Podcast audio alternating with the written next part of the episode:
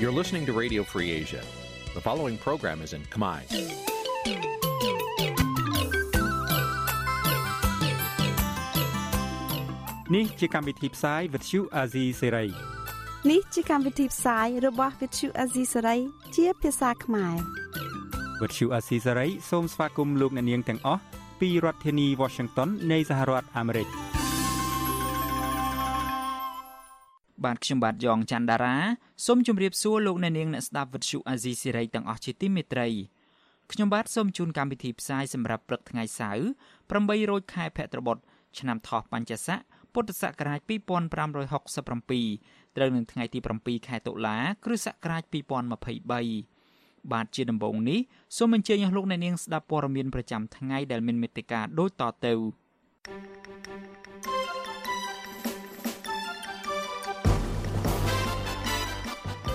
អ្នកខ្លំមើលជំរុញឲ្យរដ្ឋាភិបាលបញ្ឈប់ការកែរដ្ឋធម្មនុញ្ញតាមអំពើចិត្ត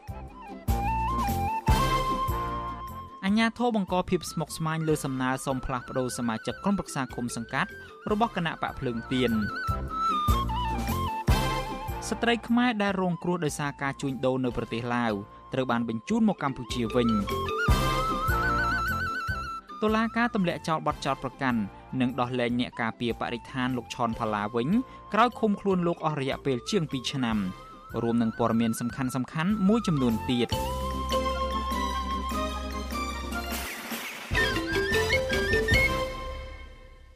បាទជាបន្តទៅទៀតនេះខ្ញុំបាទយ៉ងច័ន្ទដារាសូមជូនព័ត៌មានទាំងនេះពិស្ដាបើលោកអ្នកនាងជាទីមេត្រីរដ្ឋាភិបាលរបស់លោកហ៊ុនម៉ាណែតបានប្រារព្ធអបអរខួបលើកទី30នៃការប្រកាសឲ្យប្រើរដ្ឋធម្មនុញ្ញ គណៈច្បាប់កម្ពុជាមួយនេះរងការរំលោភបំពានជាញឹកញាប់ពីសំណាក់រដ្ឋាភិបាលអ្នកខ្លំមើលចង់ឃើញរដ្ឋាភិបាលគួរបញ្ឈប់ការកែរដ្ឋធម្មនុញ្ញឬក៏ការធ្វើរដ្ឋប្រហាររដ្ឋធម្មនុញ្ញតទៅទៀតបើមិនដូច្នេះទេនោះវានឹងធ្វើឲ្យប៉ះពាល់ដល់សង្គមជាតិធ្ងន់ធ្ងរបាទលោកទីនសាការីយ៉ារាយការណ៍ព័ត៌មាននេះជូនលោកអ្នកនាងអ្នកខ្លំមើលពីបញ្ហាសង្គមសង្កេតឃើញថារដ្ឋធម្មនុញ្ញដែលជាច្បាប់កម្ពុជារបស់ជាតិកំពុងតែត្រូវបានរដ្ឋាភិបាល ដឹកនាំដោយគណៈបកប្រជាជនកម្ពុជាកែប្រែឬរំលោភបំពានតាមតែអំពើចិត្តរបស់ខ្លួនដើម្បីអាចឲ្យគណៈបកនេះបន្តកាន់អំណាចទៅមុខទៀតបានពួកគេលើកឡើងដូចនេះគណៈរដ្ឋាភិបាលរួមទាំងស្ថាប័នកម្ពុជាកម្ពុជារបស់ជាតិរួមគ្នាប្រារព្ធពិធីអបអរសាទរទិវារំលឹកខួប30ឆ្នាំនៃការប្រកាសដាក់ឲ្យប្រើប្រាស់រដ្ឋធម្មនុញ្ញនៅថ្ងៃទី6ខែតុលាក្នុងសាលមហាស្រពកោះពេជ្រនៃរាជធានីភ្នំពេញព្រះមហាក្សត្រសម្ដេចព្រះនរោត្តមសីហមុនី ទ្រង់មានជំនឿថាក្រមដំបូលនៃរដ្ឋធម្មនុញ្ញគ្រប់ស្ថាប័នជាតិនឹងបន្តបំពេញភារកិច្ចតាមទូនាទីរបស់ខ្លួនប្រកបដោយការទទួលខុសត្រូវខ្ពស់ដើម្បីធានាដល់កិច្ចអភិវឌ្ឍជាតិកម្ពុជាទោះជាយ៉ាងណាព្រះមហាក្សត្រទ្រង់មិនបានថ្លែងអំពីការរងគ្រោះនៃច្បាប់កម្ពុជានេះទេដែលរងការបំពានពីរដ្ឋាភិបាលនោះប៉ុន្តែទ្រង់ថ្លែងព្រិច្ចសារថាតាមការរៀបចំរបស់រដ្ឋាភិបាលដោយព្រះអង្គកោតសរសើរអតីតនាយករដ្ឋមន្ត្រីហ៊ុនសែនដែលសពថ្ងៃជាឪពុកនាយករដ្ឋមន្ត្រី និងជាប្រធានឧត្តមក្រុមប្រឹក្សាផ្ទាល់ព្រះមហាក្សត្រទៅវិញសម្ដេចអគ្គមហាសេនាបតីតេជោហ៊ុនសែនដែលបានធ្វើការផ្ដួចផ្ដើមឲ្យមានការរៀបចំសេចក្តីព្រាងរដ្ឋធម្មនុញ្ញឆ្នាំ1993ឡើងមកក៏បានយកសេចក្តីព្រាងរដ្ឋធម្មនុញ្ញនេះមកឆ្លងការអនុម័តរបស់សភាធម្មនុញ្ញនៅថ្ងៃទី21ខែកញ្ញាឆ្នាំ1993ទើបកើតចេញជារដ្ឋធម្មនុញ្ញជាច្បាប់កម្ពុជារបស់ជាតិ រហូតមកដល់បច្ចុប្បន្ននិងបន្តទៅមុខទៀតដែលត្រូវបានគោរពនិងប្រតិបត្តិតាមច្បាប់កម្ពុជានេះរហូតមកចាប់តាំងពីឆ្នាំ1993មករដ្ឋាភិបាលដែលដឹកនាំដោយគណៈបកប្រជាជនកម្ពុជាបានកែប្រែរដ្ឋធម្មនុញ្ញឬធ្វើរដ្ឋប្រហាររដ្ឋធម្មនុញ្ញចំនួន10លើកមកហើយដែលធ្វើឲ្យច្បាប់កម្ពុជាមួយនេះងាកឆ្ងាយចេញពីស្មារតីដើមនៃច្បាប់រដ្ឋាភិបាលកម្ពុជាបានកែប្រែរដ្ឋធម្មនុញ្ញលើកចុងក្រោយ កាលពីខែសីហាឆ្នាំ2022ដែលជាការបន្ថយអធិបតេយ្យរដ្ឋសភានិងដើម្បីបំពេញមហិច្ឆតាផ្ទៃអំណាចរបស់អតីតនាយករដ្ឋមន្ត្រីហ៊ុនសែនបើកផ្លូវឲ្យកូនប្រុសច្បងរបស់លោកគឺលោកហ៊ុនម៉ាណែតធ្វើជានាយករដ្ឋមន្ត្រីបន្តកម្ពុជាបានបង្កើតរដ្ឋធម្មនុញ្ញជាលើកដំបូងបង្អស់នៅក្នុងឆ្នាំ1947រដ្ឋធម្មនុញ្ញទី2ត្រូវបង្កើតនៅក្នុងឆ្នាំ1972ដែលកាលនោះ បានផ្លាស់ប្តូររបបដឹកនាំពីរាជានិយមអាស្រ័យធម្មនុញ្ញទៅជារបបសាធារណរដ្ឋមកដល់ឆ្នាំ1976របបកម្ពុជាប្រជាធិបតេយ្យបានបង្កើតរដ្ឋធម្មនុញ្ញមួយទៀតដោយផ្លាស់ប្តូរទៅជារបបកុម្មុយនីសចំណែកឯរដ្ឋធម្មនុញ្ញលើកទី4បានបង្កើតនៅឆ្នាំ1981គឺក្នុងរបបសាធារណរដ្ឋប្រជាមានិតកម្ពុជារីឯរដ្ឋធម្មនុញ្ញទី5គឺបង្កើតឡើងនៅក្នុងឆ្នាំ1989ក្នុងរបបរដ្ឋកម្ពុជា រដ្ឋធម្មនុញ្ញចុងក្រោយនេះគឺបង្កើតឡើងនៅឆ្នាំ1993ចេញពីការបោះឆ្នោតគឺនៅក្រៅពីមានកិច្ចព្រមព្រៀងសន្តិភាពទីក្រុងប៉ារីសឆ្នាំ1991តើតើនឹងបញ្ហានេះប្រធានអង្គការសម្ព័ន្ធភាពការពារសិទ្ធិមនុស្សកម្ពុជាហកថាច្រាក់លោករស់សុថាយល់ថារដ្ឋធម្មនុញ្ញកម្ពុជាជារដ្ឋធម្មនុញ្ញល្អមួយដែលបានកើតចេញពីកិច្ចព្រមព្រៀងសន្តិភាពទីក្រុងប៉ារីសប៉ុន្តែលោកថាមកដល់សប្តាហ៍នេះច្បាប់កម្ពុមួយនេះរងការទន្ទ្រានជាញឹកញាប់ ពីរដ្ឋាភិបាលដែលធ្វើឲ្យច្បាប់ដ៏ល្អមួយនេះបានបាត់បង់ធាតុដើមរបស់ខ្លួនជាបន្តបន្ទាប់លោកសង្កេតឃើញថាការកែប្រែរដ្ឋធម្មនុញ្ញចុងក្រោយមុនការបោះឆ្នោតកាលពីថ្ងៃទី23កក្កដាដែលធ្វើឲ្យគណៈបកឆ្នះឆ្នោតមានសិទ្ធិរើសបេក្ខជននាយករដ្ឋមន្ត្រីគឺធ្វើឲ្យប្រមម្ចាស់ឆ្នោតទទួលបាននាយករដ្ឋមន្ត្រីដែលខ្លួនមិនបានបោះឆ្នោតឲ្យមន្ត្រីសង្គមស៊ីវិលរូបនេះបារម្ភថាបើសិនជារដ្ឋាភិបាលបន្តកែប្រែរដ្ឋធម្មនុញ្ញតទៅទៀតនឹងធ្វើឲ្យបរដ្ឋ បាត់បង់អំណាចរបស់ខ្លួនក្នុងការជ្រើសរើសមេដឹកនាំនឹងធ្វើឲ្យប៉ះពាល់ដល់ដំណើរការនៃការគោរពសិទ្ធិមនុស្សនិងប្រជាធិបតេយ្យនៅកម្ពុជាថែមទៀតផងកាន់តែបាត់បង់ជាដើមរបស់ខ្លួនណាពាក់ព័ន្ធនឹងគេហៅថាគោលនយោបាយធ្វើការឲ្យខ្មែរយើងចេះធ្វើការជាមួយគ្នាលក្ខណៈភូបកក្នុងសភាក្តីក្នុងរដ្ឋាភិបាលក្តីកាលពីខែសីហាឆ្នាំ2022លោកហ៊ុនសែនដើម្បីអាចឲ្យកូនប្រុសរបស់ខ្លួនគឺលោកហ៊ុនម៉ាណែតអាចធ្វើជានាយរដ្ឋមន្ត្រីបាន ដោយមិនចាំបាច់ចូលឈ្មោះជាបេក្ខជននាយរដ្ឋមន្ត្រីសម្រាប់ការបោះឆ្នោតពីប្រវត្តិនោះទេ គឺលោកហ៊ុនសែនបានកែប្រែរដ្ឋធម្មនុញ្ញដោយកំណត់ថាតែងតាំងបេក្ខជននាយរដ្ឋមន្ត្រីមិនចាំបាច់ឆ្លងកាត់ការសម្រេចពីសភានៅទីបំផុតទៅដោយការចង់បានរបស់លោកហ៊ុនសែនមែននៅពេលគណៈបកកណ្ដាលអំណាចឆ្នះឆ្នោតដោយការបោះឆ្នោតគ្មានគណៈបកប្រឆាំងចូលរួមនោះគឺលោកហ៊ុនសែនបានស្នើឈ្មោះលោកហ៊ុនម៉ាណែតជានាយករដ្ឋមន្ត្រីថ្វាយជូនព្រះមហាក្សត្រដើម្បីឲ្យព្រះអង្គតែងតាំង ក្រុមអ្នកខ្លមើលជំរុញទៅរដ្ឋាភិបាលលហ៊ុនម៉ាណែតគួរតែរក្សារដ្ឋធម្មនុញ្ញដែលមានស្រាប់កុំកែប្រែបន្តទៀតតាមតែអំពើចិត្តរបស់ខ្លួនដើម្បីបំរើប្រយោជន៍នយោបាយរបស់ក្រុមខ្លួនដោយឪពុករបស់លោកតទៅទៀតខ្ញុំបាទទីនសាការីយ៉ាអស៊ីសេរីប្រធានាធិបតី Washington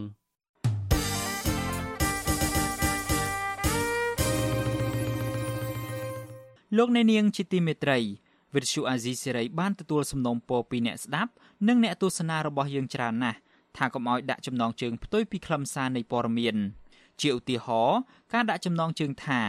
Vivo ហៅលោកហ៊ុនសែនត្រូវតុលាការព្រហ្មទណ្ឌអន្តរជាតិ ICC យកទៅកាត់ទោសជាដើមក៏ប៉ុន្តែនៅពេលចុចស្ដាប់ទៅមិនលឺនិយាយអំពីរឿងនេះសោះបាទយើងខ្ញុំសូមជម្រាបជូនលោកអ្នកនាងថា ការដាក់ចំណងជើងខុសពីខ្លឹមសារទាំងនេះគឺជាការបោកប្រាស់របស់ក្រុមរកស៊ីតាម YouTube ដើម្បីរកលុយតែប៉ុណ្ណោះពួកគេបានលួចយកខ្លឹមសារនៃការផ្សាយរបស់ Virtual Azizi Series ទៅកាត់ត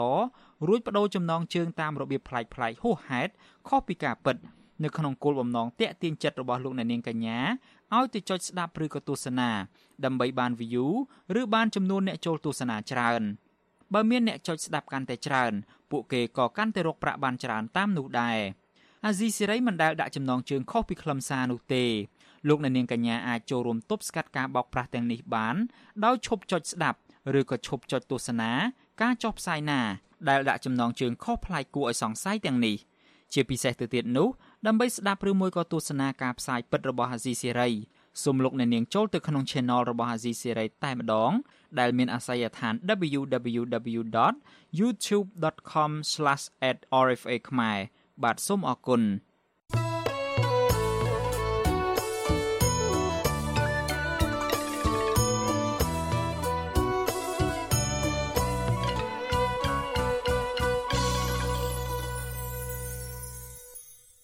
បាទលោកអ្នកនាងជាទីមេត្រីយើងងាកមកចាប់អារម្មណ៍ពាក់ព័ន្ធទៅនឹងរឿងគណៈបកភ្លើងទៀនឯនេះវិញ អញ្ញាធមូលដ្ឋានតាមខេត្តមួយចំនួនមិនព្រមចុះហត្ថលេខា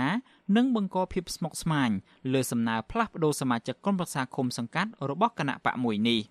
មន្ត្រីគណៈបកភ្លើងទៀននិងសង្គមស៊ីវិលចាត់ទុករឿងនេះថាជាការរើសអើងផ្នែកនយោបាយដែលនាំឲ្យប៉ះពាល់ទៅដល់ការអភិវឌ្ឍនៅមូលដ្ឋាន និងការបោះឆ្នោតអសកលនៅពេលខាងមុខគណៈបកភ្លើងទៀនលើកឡើងថាការផ្លាស់ប្តូរសមាជិកក្រុមប្រឹក្សាឃុំថ្មី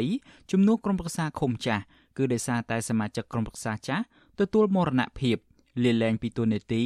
អសកម្មការងារជួយបម្រើម្ចាស់ឆ្នោតនិងការចាក់ចេញពីគណៈបកនេះទៅចូលរួមជាមួយគណៈបកប្រជាជនកម្ពុជាយ៉ាងណាក្តីអាញាធមូលដ្ឋានក្រោមការគ្រប់គ្រងរបស់គណៈបកកណ្ដាលអំណាចបានបង្កការលំបាកដោយមិនព្រមចុះហត្ថលេខាឬក៏ទទួលយកឯកសារបដូរសមាជិកក្រុមប្រឹក្សាឃុំថ្មីរបស់គណៈបកភ្លើងទៀននោះទេគណៈបកភ្លើងទៀនបញ្ជាក់ថា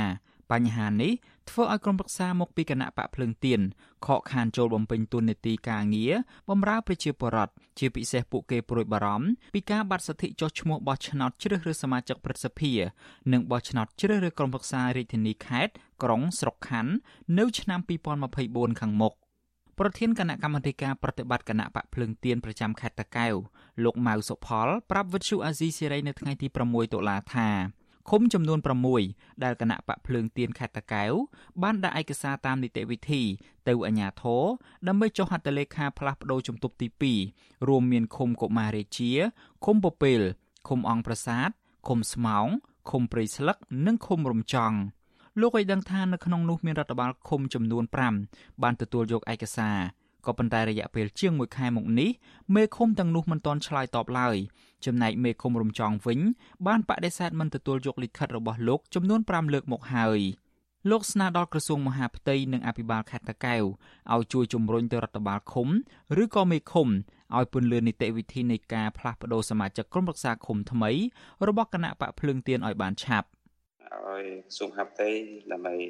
ជំរុញដល់ក្រមសាគុំសង្កាត់ដែល6គុំហ្នឹងធ្វើតាមនីតិវិធីច្បាប់ដើម្បីរុះរាន់ដើម្បីឲ្យទាន់ពេលវេលាដើម្បីក្រមឧស្សាហ៍ដែលមិនដើម្បីជំនួសដល់ក្រមឧស្សាហ៍ចាស់ដែលត្រូវស្លាប់ដែលត្រូវលាលែងដែលត្រូវបាត់បង់ពីសមាជិកគណៈបកលើទៀននេះជាកត្តាសំខាន់ផុតដែលមានតែក្រសួងមហាផ្ទៃទេដែលជួយជំរុញទន្ទឹមនឹងនេះលោកម៉ៅសុផលឲ្យដឹងថា ករណីទាំងនេះកាលពីថ្ងៃទី19ខែកញ្ញាលោកបានផ្ញើលិខិតទៅអភិបាលខេត្តតាកែវនិងពិភាក្សាជាមួយមន្ត្រីរដ្ឋបាលសាលាខេត្តដើម្បីស្នើសុំឲ្យជួយអន្តរាគមន៍ទៅមេឃុំឲ្យចុះហត្ថលេខាបដូរសមាជិកជំទប់ទី2របស់គណៈបកភ្លើងទៀនជាបន្តបន្ទាប់ក៏ប៉ុន្តែអាជ្ញាធរថ្នាក់លើមិនព្រមដោះស្រាយជូនលោកឡើយឆ្លើយតបទៅនឹងបញ្ហានេះនាយករដ្ឋបាលសាលាខេត្តតាកែវ លោកមាសអ៊ុយប្រាប់វិទ្យុអាស៊ីសេរីថារឿងនេះពុំមែនលោកមិនដោះស្រាយបញ្ហានោះទេក៏ប៉ុន្តែលោកថាដោយសារលោកមិនទាន់ទទួលបានដំណឹងតាក់ទងទៅនឹងការផ្លាស់ប្តូរក្រុមប្រឹក្សាឃុំពីមន្ត្រីបកភ្លើងទៀននៅឡើយក្រោយពីលោកបានណែនាំអំពីនីតិវិធីកន្លងមកលោកជំរុញឲ្យមន្ត្រីគណៈបកនេះរាយការណ៍មុខរដ្ឋបាលសាលាខេត្តជាជាងស្វែងរកដំណោះស្រាយដោយផ្សព្វផ្សាយតាមរយៈសារព័ត៌មាន។ តាំងពីមកគាត់មកហ្នឹងគឺគាត់ជួយោបល់ទេហើយខ្ញុំក៏ប្រាប់គាត់ត្រឡប់ទៅវិញថាត្រូវធ្វើអីវាមិនវាអីហើយអញ្ចឹងតាំងពីទៅហ្នឹងវាអត់មានឃើញអីមកទៀតថាគុំទទួលមិនទទួលមកទេប៉ុន្តែចង់និយាយថាវាអត់អត់ដឹងលក្ខណៈដែលគាត់ធ្វើហ្នឹងទៅគុំអីយ៉ាងម៉េចយ៉ាងម៉េចនេះហ្នឹងបានគុំមិនទទួលឬក៏គាត់បានធ្វើទៅនៅឬគាត់បានធ្វើអីយ៉ាងម៉េចវាអត់បានព័ត៌មានវាអត់មានព័ត៌មាន ទោះជាមានការអះអាងពីមន្ត្រីសាលាខេត្តតាកែវបែបនេះក្តីក៏ករណីទាំងនេះជាទួនាទីរបស់អាជ្ញាធរថ្នាក់លើត្រូវតែសួរនាំទៅអាជ្ញាធរថ្នាក់ក្រោមបញ្ជាក់ពីមូលហេតុនិងជួយអន្តរាគមន៍ឆ្លើយតបដោះស្រាយបញ្ហានេះ។ ស្រដៀងគ្នានេះដែរក្រុមប្រឹក្សាឃុំសង្កាត់របស់គណៈបកភ្លើងទៀននៅតាមខេត្តមួយចំនួនទៀតក៏ត្រូវបានអាជ្ញាធរមូលដ្ឋានរបស់គណៈបកកណ្ដាលអំណាចមិនព្រមចុះហត្ថលេខាលើឯកសារនិងបង្កឧបសគ្គជាច្រើននៅក្នុងការផ្លាស់ប្តូរសមាជិកភាពនេះដែរមានដូចជានៅខេត្តបាត់ដំបងខេត្តកណ្ដាលនិងខេត្តឧត្តរមានជ័យជាដើមជុំវិញរឿងនេះអ្នកនាំពាក្យគណៈបកភ្លើងទៀនលោកគឹមសុភិរិទ្ធថ្លែងថាអាញាធរមកពីគណៈបកប្រជាជនកម្ពុជាមួយចំនួន បានបំពេញច្បាប់ដោយបានបង្កភាពស្មុគស្មាញក្នុងការសុំបដូរសមាជិកឃុំសង្កាត់នៅរយៈពេលចុងក្រោយនេះយើងនឹងទៅតាក់ទងថ្នាក់ខេត្តអយឡាយធនធានមនុស្សរបស់គេហ្នឹងដើម្បីឲ្យគេជំរុញមកមេឃុំឲ្យគាត់យល់មក ជួនកាលគាត់យល់ដែរប៉ុន្តែមិនធ្វើជាយល់ហើយអាចវាគ្មានប័ណ្ណបញ្ជាអញ្ចឹងទៅអានេះយើងទៅតាក់ទងហើយបើសិនជាខេត្តនឹងគាត់មិនជួយជំរុញទេយើងអាចនឹងសរសេរលិខិតទៅក្រសួងមហាផ្ទៃណាទៅរដ្ឋមន្ត្រីក្រសួងមហាផ្ទៃគាត់អន្តរាគមជំរុញឲ្យមានការផ្លាស់ប្ដូរនេះឲ្យស្របទៅតាមនឹងច្បាប់ដែលមានចែងជាពិសេសគឺនៅមុនការចុះឈ្មោះអង្គបោះឆ្នោតដែលនឹងប្រព្រឹត្តទៅក្នុងប្រហែលថ្ងៃខាងមុខនេះដើម្បីជៀសវាងកុំឲ្យមានបញ្ហាមិនដឹងតវ៉ាស្អីទៅថ្ងៃមុខទៀតណា វិទ្យុអាស៊ីសេរីមិនអាចតាក់ទងแนะនាំពាក្យក្រសួងមហាផ្ទៃលោកខៀវសុភ័ក្រដើម្បីបកស្រាយជុំវិញរឿងនេះបានទេ នៅថ្ងៃទី6ខែតុលា តាក់ទងទៅនឹងរឿងនេះមន្ត្រីជាន់ខ្ពស់ផ្នែកអង្គការនៃអង្គការ Confrel លោកកនសវាង មានប្រសាសន៍ថាប្រសិនបើគណៈបកភ្លើងទៀនបានរៀបចំឯកសារស្នើសុំបដូរសមាជិកក្រុមប្រឹក្សាឃុំសង្កាត់បានត្រឹមត្រូវហើយមេឃុំបែជាបង្អាក់ដំណើរការដោយមិនមានមូលហេតុច្បាស់លាស់ទេនោះនេះគឺជាការរើសអើងផ្នែកនយោបាយ លោកបញ្ជាក់ថាអាញាធរគ្មានហេតុផលណាមួយដែលធ្វើឲ្យយឺតយ៉ាវនៅក្នុងការស្នើសុំឲ្យមានការផ្លាស់ប្ដូរសមាជិកក្រុមប្រឹក្សាគុំសង្កាត់ដែលស្នើឡើងដោយគណៈបកភ្លើងទៀននោះទេ បេក្ខភាពគណៈបកហ្នឹងអ្នកដែលបាត់បង់ហ្នឹងมันអាចជំនួសដោយបេក្ខភាពណាមួយផ្សេងដែលទទួលការចាត់តាំងឬការចាត់ចែងឬការយល់ព្រមឬមិនយល់ព្រមពីមេឃុំនឹងអត់ទេពីព្រោះមេឃុំនេះគ្រាន់តែជាការដឹកនាំទេមិនមានសិទ្ធិណាមួយណែនៅក្នុងការសម្រេចទេពីព្រោះសិទ្ធិតែជាការកាត់ចេញពីការបោះឆ្នោតដូចគ្នាណាប្រជាពលរដ្ឋទេដែលជាអ្នកសម្រេចអញ្ចឹងកន្លែងហ្នឹងខ្ញុំយល់ឃើញថាគួរតែស្ថាប័នមានសមត្ថកិច្ចជាពិសេសក្រសួងហាផ្ទៃហ្នឹងពិនិត្យមើលទៅលើទូនាទីហ្នឹងណាបាទកុំឲ្យមានការលើកឡើងនៅការអនុវត្តមួយដែលវាជាឧបសគ្គសម្រាប់ការអនុវត្តគោលការណ៍ប្រជាធិបតេយ្យរបស់ប្រទេសយើងច្បាប់ស្តីពីការគ្រប់គ្រងរដ្ឋបាលឃុំសង្កាត់មាត្រា37ចែងថាការផ្លាស់ប្តូរសមាជិកភាពក្រុមប្រឹក្សាឃុំសង្កាត់ត្រូវធ្វើឡើងដោយប្រកាសរបស់រដ្ឋមន្ត្រីក្រសួងមហាផ្ទៃក្នុងរយៈពេលយ៉ាងយូរ14ថ្ងៃ សេចក្តីប្រកាសក្រសួងមហាផ្ទៃកំណត់ឲ្យអភិបាលរាជធានីខេត្តត្រូវពិនិត្យសមាជិកភាពក្រុមប្រឹក្សាឃុំសង្កាត់នានាក្នុងរាជធានីខេត្តរបស់ខ្លួននៅក្នុងករណីសមាជិកក្រុមប្រឹក្សាឃុំសង្កាត់ណាមួយបាត់បង់សមាជិកភាពអភិបាលរាជធានីខេត្តត្រូវឲ្យសមាជិកក្រុមប្រឹក្សាឃុំសង្កាត់នោះលើកសំណើសុំផ្លាស់ប្តូរជាបន្ទាន់ បាទលោកអ្នកនាងជាទីមេត្រីខ្ញុំបាទសូមជម្រាបជូនលោកអ្នកនាងកញ្ញាទាំងអស់ឲ្យបានជ្រាបថាវិទ្យុអាស៊ីសេរីនៅពេលនេះមានការផ្សាយនៅតាមវិទ្យុរលកថេដាកាខ្លីឬមួយក៏ shortwave តាមកម្រិតនិងកម្ពស់ថ្មីមួយគឺតាមកម្រិតនិងកម្ពស់ដូចតទៅនេះបាទពេលព្រឹកគឺចាប់ពីម៉ោង5កន្លះដល់ម៉ោង6កន្លះតាមរយៈប៉ុស SW 12.14 MHz ស្មើនឹងកម្ពស់ 25m និងប៉ុស SW 13.71 MHz ស្មើនឹងកម្ពស់ 22m ពេលយប់ចាប់ពីម៉ោង7កន្លះដល់ម៉ោង8កន្លះតាមរយៈប៉ុស SW 9.33 MHz ស្មើនឹងកម្ពស់ 32m ប៉ុស SW 11.88 MHz ស្មើនឹងកម្ពស់ 25m និងប៉ុស SW 12.15 MHz ស្មើនឹងកម្ពស់ 25m បាទសូមអរគុណ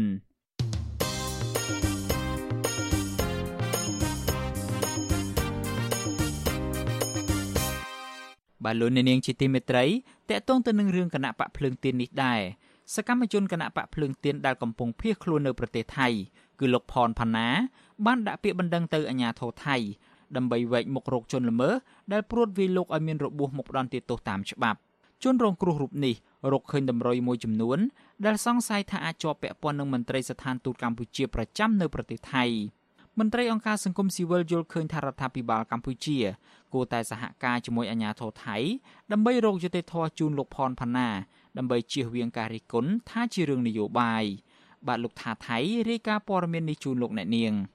សកម្មជនគណៈបកភ្លើងទៀនលោកផនផាណាបានដាក់បណ្ដឹងទៅសមត្ថកិច្ចថៃរួចហើយកាលពីថ្ងៃទី5តុលាដោយលោកសង្ឃឹមថាសមត្ថកិច្ចថៃនឹងអាចស្វែងរកជនមិនស្គាល់មុខចំនួន3នាក់ដែលបានព្រួតប្រាអំពើហិង្សាលើរូបលោកមកដាក់ទោសនេះគឺជាលើកទី1ហើយដែលជនរងគ្រោះហ៊ានដាក់បណ្ដឹងទៅអាជ្ញាធរថៃ ខណៈកន្លងមកក៏មានសកម្មជននយោបាយមួយចំនួនដែលភៀសខ្លួននៅប្រទេសថៃធ្លាប់ត្រូវបានជនមិនស្គាល់មុខលួចវាយធ្វើបាបនិងប៉ុនប៉ងចាប់បញ្ជូនទៅដាក់ពន្ធនាគារនៅកម្ពុជាវិញដែរប៉ុន្តែពួកគេមិនដែលដាក់បណ្ដឹងឡើយព្រោះបារម្ភពីសុវត្ថិភាពជនរងគ្រោះលោកផនផាណាប្រាប់វិទ្យុអាស៊ីសេរីនៅថ្ងៃទី6តុលាថាមូលហេតុដែលលោកដាក់បណ្ដឹងទៅសមត្ថកិច្ចថៃគឺដោយសារតែចាប់តាំងពីថ្ងៃកើតហេតុមកមានជនស្លៀកពាក់ស៊ីវិលតាមថតរូបលោកនិងតាមឃ្លាំមើលលោកជាប្រចាំ លោកសង្ស័យថាបញ្ហានេះមានជាប់ពាក់ព័ន្ធនឹងមន្ត្រីស្ថានទូតកម្ពុជាប្រចាំប្រទេសថៃពីព្រោះភិនភាករថយន្តដែលថតជាប់ដោយកាមេរ៉ាសុវត្ថិភាពនៅកន្លែងកាត់ហេតុនិងរថយន្តចតនៅស្ថានទូតកម្ពុជាប្រចាំប្រទេសថៃគឺម៉ាក់អ៊ីស៊ូស៊ូពណ៌ខ្មៅតែមួយដូចគ្នាលោកថាសមត្ថកិច្ចជំនាញថៃកំពុងស្រាវជ្រាវនិងពិនិត្យមើលផ្លាកលេខរថយន្តទាំងពីរនោះថាតើដូចគ្នាឬយ៉ាងណា ហើយរថយន្តហ្នឹងគឺនៅក្នុងស្ថានទូតថៃតែម្ដងស្ថានទូតខ្មែរប្រចាំប្រទេសថៃតែម្ដងអ្វីដែលយើងចង់ដឹងហ្នឹងបើសិនជារថយន្តហ្នឹងជារថយន្តតែមួយវាច្បាស់ណាស់អ្នកនៅពីក្រោយប្រើអំពើហិង្សាហ្នឹងគឺគឺស្ថានទូតខ្មែរប្រចាំនៅប្រទេសថៃហ្នឹងតែម្ដងជាអ្នកបញ្ជាឬក៏អ្នកមកអនុវត្តផ្ទាល់នៃការប្រើអំពើហិង្សាលើរាងកាយខ្ញុំហ្នឹងលោកផនផាណាអះអាងថាការដាក់សង្ស័យលើមន្ត្រីស្ថានទូតកម្ពុជាប្រចាំប្រទេសថៃគឺដោយសារតែនៅថ្ងៃកើតហេតុ មានរថយន្ត2គ្រឿងមួយគ្រឿងម៉ាក Chevrolet ពណ៌សចតនៅខាងមុខផ្ទះលោកនិងមួយគ្រឿងទៀតម៉ាក Isuzu ជិះកាត់មកផ្ទះរបស់លោកយឺតយឺតដែលជាប្រភេទរថយន្តដូចគ្នាទោះជាយ៉ាងណាមន្ត្រីនគរបាលថៃនៅមិនទាន់អាចបញ្ជាក់ថារថយន្តម៉ាក Isuzu ពណ៌ខ្មៅពិតជារបស់មន្ត្រីស្ថានទូតខ្មែរនៅឡើយទេដោយសារតែមិនទាន់អាចកំណត់ស្លាកលេខរថយន្តទាំងពីរបាននៅឡើយកាលពីថ្ងៃទី22ខែសីហាលោកផនផាណាត្រូវជន់មិនស្គាល់មុខចំនួន3នាក់បានជិះរថយន្តមកថតផ្ទះរបស់លោកនៅខេត្តរ៉ាក់យ៉ងប្រទេសថៃ និងព្រួតវាយសន្ធប់មកលើមុខខាងឆ្វេងរបស់លោកវិទ្យុអាស៊ីសេរីមិនអាចតាក់ទងប្រធានអនុព័ន្ធការងារអមស្ថានទូតកម្ពុជាប្រចាំប្រទេសថៃគឺលោកឈឹមវិបុលនិងមន្ត្រីកុងស៊ុលស្ថានទូតលោកផៃឡូនដើម្បីសុំការបកស្រាយជុំវិញបញ្ហានេះបានទេនៅថ្ងៃទី6តុលាក៏ប៉ុន្តែកាលពីថ្ងៃទី26សីហាប្រធានអនុព័ន្ធការងារអមស្ថានទូតកម្ពុជាប្រចាំប្រទេសថៃគឺលោកឈឹមវិបុលដែលល្បីខាងដើរអូសទាញកម្មករឲ្យចុះចូលជាមួយនឹងគណៈបកប្រជាជនកម្ពុជា និងតែងគម្រាមកំហែងលើសកម្មជនបកប្រឆាំងកន្លងទៅបានបង្ហោះសារប្រៀបធៀបសកម្មជននយោបាយនិងអ្នកដែលហ៊ានរិះគន់ការដឹកនាំរដ្ឋាភិបាលរបស់លោកហ៊ុនម៉ាណែតថាជាកូនកណ្ដុរហើយរូបលោកជាឆ្មាចាំចាប់កណ្ដុរជុំវិញបញ្ហានេះនាយកទទួលបន្ទុកកិច្ចការទូតនៃអង្គការឃ្លាំមើលសិទ្ធិមនុស្សលីកាដូលោកអំសំអាតមានប្រសាសន៍ថាអាញាធរកម្ពុជាគួរតែស៊ើបអង្កេតឲ្យបានដិតដល់ពាក់ព័ន្ធនឹងករណីមានជនមិនស្គាល់មុខប្រអំពើហិង្សាលើសកម្មជនបកប្រឆាំងដើម្បីស្ដារមុខមាត់រដ្ឋាភិបាលថ្មី ខ្ញុំគាត់ថាមានចំណាប់អារម្មណ៍ជាទីថាដើម្បីកុំឲ្យមានជៀសវាងក្នុងការរិះគន់តាក់ទងជាមួយនឹងការចាប់ជូនជនភៀសខ្លួនដែលរត់ទៅថៃហើយមកកម្ពុជាវិញឬក៏អំពើហិង្សាទៅលើជនភៀសខ្លួនឥឡូវកម្ពុជាយើងគួរតែមានកិច្ចសហប្រតិបត្តិការឬក៏ថៃគួរតែមានការគោរពសិទ្ធិទៅតាមគោលការណ៍សកលស្តីពីសិទ្ធិមនុស្សហើយនឹងដល់កិច្ចការពារទៅលើពលគ្រប់រូប ក្រៅពីលោកផនផាណារងការវាយដំដោយអំពើហិង្សាសកម្មជនបកប្រឆាំងដែលភៀសខ្លួននៅថៃផ្សេងទៀតក៏ធ្លាប់ត្រូវបានជនមិនស្គាល់មុខព្រួតវាយបណ្ដាលឲ្យរងរបួសហើយអ្នកខ្លះទៀតក៏ត្រូវបានអាជ្ញាធររបស់លោកហ៊ុនសែនសហការជាមួយអាជ្ញាធរថៃចាប់បញ្ជូនទៅដាក់ពន្ធនាគារនៅកម្ពុជាវិញជាបន្តបន្ទាប់ដែរដើម្បីបំបិតមាត់មិនឲ្យមានសម្លេងរិះគន់ពីប្រទេសថៃលោកផនផាណាជាអតីតសកម្មជនគណៈបកសង្គ្រោះជាតិចន្លោះពីឆ្នាំ2016ដល់ឆ្នាំ2020នៅប្រទេសកូរ៉េខាងត្បូងបន្ទាប់មក លោកបានវិលត្រឡប់មករស់នៅប្រទេសកម្ពុជាវិញដោយចូលរួមសកម្មភាពនយោបាយជាមួយនឹងគណៈបកភ្លើងទៀនក្នុងទូនាទីជាអនុប្រធានយុវជនថ្នាក់ជាតិប៉ុន្តែក្រោយមកលោកផនផាណាបានភៀសខ្លួនទៅប្រទេសថៃដើម្បីរក្សាសុវត្ថិភាពកាលពីខែសីហាឆ្នាំ2022ដោយសារតុលាការក្រមខ្សែញាក់របស់លោកហ៊ុនសែនបានកាត់ទោសឲ្យលោកជាប់ពន្ធនាគារ5ឆ្នាំរួមជាមួយនឹងថ្នាក់ដឹកនាំនិងសកម្មជនរាប់សិបនាក់ទៀត ពាក់ព័ន្ធនឹងការចាត់ប្រកាន់រឿងគាំទ្រគម្រោងវិលជុលស្រុករបស់ប្រធានស្ដីទីគណៈបកសង្គ្រោះជាតិលោកសំរងស៊ីបើទោះបីជាលោកផនផាណាកំពុងប្រឈមនឹងជីវភាពលំបាកនិងរងការធ្វើទុកបុកម្នេញពីជនមិនស្គាល់មុខក្តីក៏លោកនៅតែប្រកាន់គោលជំហរមិនជ្រើសរើសយកការចោះចូលជាមួយគណៈបកកណ្ដាលអំណាចដើម្បីបដូរយកសេរីភាពឡើយខ្ញុំថាថៃពីទីក្រុងមែលប៊ន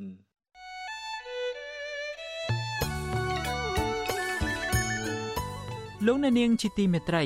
វិទ្យុអាស៊ីសេរីចាប់ផ្ដើមដំណើរការផ្សាយផ្ទាល់កម្មវិធីព័ត៌មានទាំងពេលព្រឹកនិងពេលយប់ជាផ្លូវការនៅលើបណ្ដាញសង្គមថ្មីមួយទៀតគឺបណ្ដាញសង្គម Telegram ចាប់ពីខែមេសាឆ្នាំ2023នេះតទៅលោកអ្នកនាងអាចស្វែងរក Telegram ផ្លូវការរបស់ Vuthu Azizi Siri ដោយស្វែងរកពាក្យថា Vuthu Azizi Siri ឬក៏ RFA ខ្មែរនៅលើទូរស័ព្ទដៃរបស់លោកអ្នកនាង បាទ Telegram ផ្លូវការរបស់ Vuthu Azizi Siri មានសញ្ញា Tick ជាសញ្ញាសម្គាល់បាទក្រុមការងាររបស់ Vuthu Azizi Siri នឹងព្យាយាមរិះរកមធ្យោបាយថ្មីៗបន្ថែមទៀតដើម្បីផ្ដល់ភាពងាយស្រួលដល់លោកអ្នកនាងកញ្ញានៅក្នុងការស្ដាប់ និងទស្សនាការផ្សាយព័ត៌មានរបស់យើង បាទសូមអរគុណ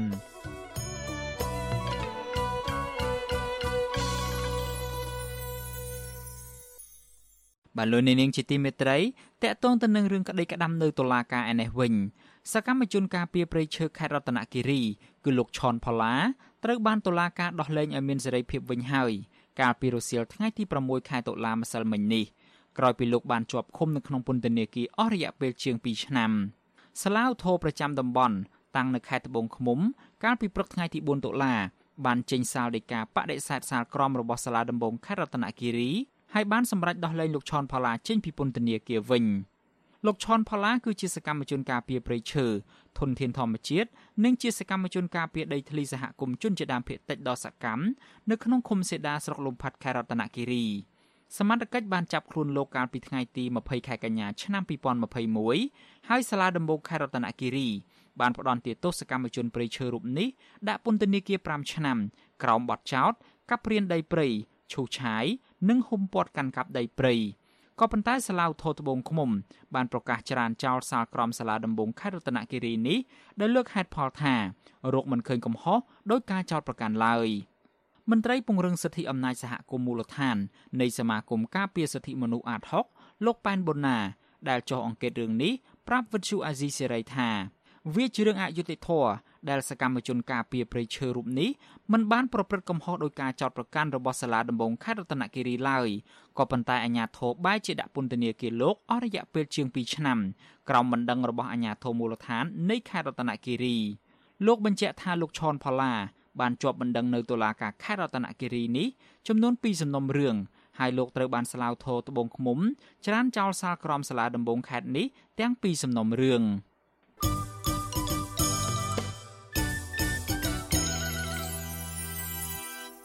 លោកអ្នកនាងកំពុងស្ដាប់ការផ្សាយរបស់ Vuthu Azizi Serai ពីរដ្ឋធានី Washington នៃសហរដ្ឋអាមេរិកតកតងទៅនឹងរឿងក្តីក្តាំនៅតុលាការប្រឆាំងទៅនឹងអ្នកការពារបរិស្ថាននេះដែរ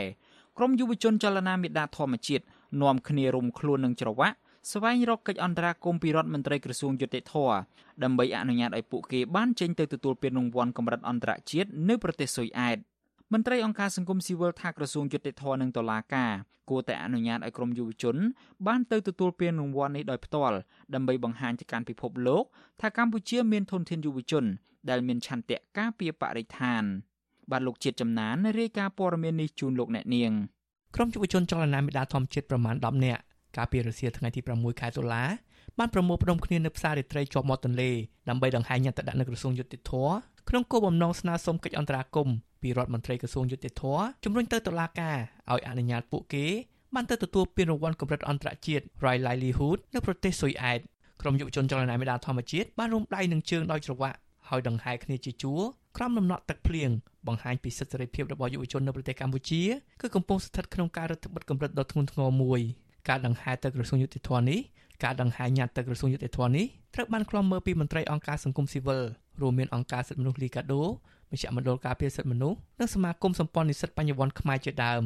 ពួកគេទទួលបានការចាប់អារម្មណ៍ពីពលរដ្ឋតាមដងផ្លូវហើយពលរដ្ឋមួយចំនួនបានសួរនាំតើយុវជនទាំងនោះកំពុងធ្វើអ្វីរំពេចនោះស្រាប់តែសមាជិកឆ្លៀកពាក់ស៊ីវិលឆ្លើយថាក្រុមយុវជនទាំងនេះគឺជាក្រុមដែលបម្រើផលប្រយោជន៍បរទេសនិងនាំរឿងរ៉ាវអាក្រក់ៗរបស់កម្ពុជាទៅឆាកអន្តរជាតិក្រុមយុវជនបានលើកឡើងថាពួកគេមិនមែនជាឈ្នួលបម្រើប្រយោជន៍បរទេសនោះទេពលពួកគេត្រូវបានទទួលស្គាល់ជាអន្តរជាតិថាជាអ្នកការពារសិទ្ធិមនុស្សនិងធនធានធម្មជាតិ ហើយមានតែកម្ពុជានោះទេដែលចាត់ទុកយុវជនទាំងនេះជាអ្នកបម្រើផលប្រយោជន៍បរទេសយុវជនចលនាមេដាធម្មជាតិលោកធុនរដ្ឋាថ្លែងថាការដែលក្រមយុវជននៅតែបន្តទាមទារឲ្យក្រសួងយុតិធធជំរុញទៅតុលាការដើម្បីអនុញ្ញាតឲ្យក្រមយុវជនចលនាមេដាធម្មជាតិបានទៅទទួលពានរង្វាន់ដោយផ្ទាល់នៅប្រទេសស៊ុយអែតគឺជារឿងចាំបាច់មួយសម្រាប់នាំគេឈ្មោះកម្ពុជាទៅឆាកអន្តរជាតិនិងបង្ហាញថាកម្ពុជាមានទុនធានយុវជនក្លាហានដែលចេញមុខការពារសិទ្ធិមនុស្សនិងទុនធានធម្មជាតិយើងកំពុងតែយកលិខិត ដើម្បីដាក់ម្ដងទៀតទៅកាន់រដ្ឋមន្ត្រីក្រសួងយុទ្ធភ័ពក្នុងការទាមទារឲ្យមានការស្នើសុំអន្តរាគមន៍ម្ដងទៀតឲ្យពួកយើងអាចចាក់ចេញទៅកាន់ប្រទេសស៊ុយអែតដើម្បីទទួលពានរង្វាន់ផ្ទាល់បានបាទវិសុអស៊ីសេរីនៅពុំទាន់អាចតាក់ទងแนะនាំពាក្យក្រសួងយុតិធធលោកចិនម៉ាលីនដើម្បីសុំការឆ្លើយតបជុំវិញរឿងនេះបានទេនៅថ្ងៃទី6ខែតុលាទោះជាយ៉ាងណានាយកផ្នែកតស៊ូមតិនៃមជ្ឈមណ្ឌលសិទ្ធិមនុស្សកម្ពុជាលោកសួនយុទ្ធជាមានប្រសាសន៍ថាការអនុញ្ញាតឲ្យក្រុមយុវជនបានទៅទទួលពានរង្វាន់កម្រិតពិភពលោកនេះ គឺនឹងនាំគេឈ្មោះកម្ពុជាកាន់តែល្បីនៅលើឆាកអន្តរជាតិលោកស្នើដល់ក្រសួងយុតិធម៌និងស្ថាប័នតុលាការគួរតែអនុញ្ញាតឲ្យពួកគេបានទៅទទួលពានរង្វាន់ដោយផ្ទាល់ខ្ញុំយល់ថាក្រសួងយុតិធធឬក៏ស្ថាប័នតុលាការហ្នឹងគួរលោកគួរតែពិចារណាម្ដងទៀតឡើងវិញដោយយកចិត្តទុកដាក់បំផុតពីព្រោះលោកមិនអាចសម្រេចត្រឹមចាមកថាมันមានភាពចាំបាច់នោះទេដែលមិនឲ្យពួកគាត់ទៅលោកត្រូវមានអង្គច្បាប់ហើយនិងអង្គហេតុច្បាស់លាស់បញ្យលមកសាធារណជនក៏ដូចជាពួកគាត់ យុវជនចលនាមេដាធម្មជាតិទាំងនោះបាននាំគ្នាដាក់ញត្តិនៅតុលាការក្រុងភ្នំពេញកាលពីថ្ងៃទី29ខែកញ្ញាដើម្បីសុំការអនុញ្ញាតចាក់ចេញពីប្រទេសកម្ពុជាដើម្បីទៅទទួលពានរង្វាន់អ្នកការពារសិទ្ធិមនុស្សនិងបរិស្ថានកម្រិតអន្តរជាតិ Right Livelihood នៅក្រៅប្រទេសប៉ុន្តែនៅថ្ងៃទី2ខែតុលាព្រះរាជអាជ្ញានៃអាយកាអមសាលាដំបូងរាជធានីភ្នំពេញលោកច្រឹងខ្មៅបានច្រានចោលសំណើរបស់ក្រុមយុវជនចលនាមេដាធម្មជាតិដោយចាត់ទុកថាគ្មានភាពចាំបាច់និងមិនអនុញ្ញាតឲ្យពួកគេបានទៅទទួលពានរង្វាន់ផ្ទាល់នោះទេ ទោះជាយ៉ាងណាក្តីយុវជននិងមន្ត្រីសង្គមស៊ីវិលនៅតែទទូចដល់រដ្ឋមន្ត្រីក្រសួងយុតិធធជំនួយទៅដល់តុលាការដើម្បីឲ្យក្រុមយុវជនចលនាមេដាធម្មជាតិបានទៅទទួលពានរង្វាន់អ្នកការពារសិទ្ធិមនុស្សនិងបរិស្ថានកម្រិតពិភពលោកដោយផ្ទាល់នៅប្រទេសស៊ុយអែតខ្ញុំបាទចិត្តចំណាន Visual Society ប្រធានាទី Washington លោកអ្នកនាងជាទីមេត្រីវិទ្យុអាស៊ីសេរីនឹងចេញផ្សាយ podcast កម្ពុជាសប្តាហ៍នេះ នៅរៀងរាល់ព្រឹកថ្ងៃសៅរ៍ម៉ោងនៅកម្ពុជា